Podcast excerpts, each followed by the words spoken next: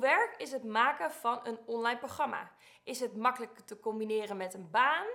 Ja en nee. Het ligt een beetje aan jezelf. Zorg dat je de eerste maanden dat je bezig gaat met je online programma, waarbij je research gaat doen, waar je je programma-idee helemaal gaat fine-tunen, dat je zeker één dag in de week te besteden hebt.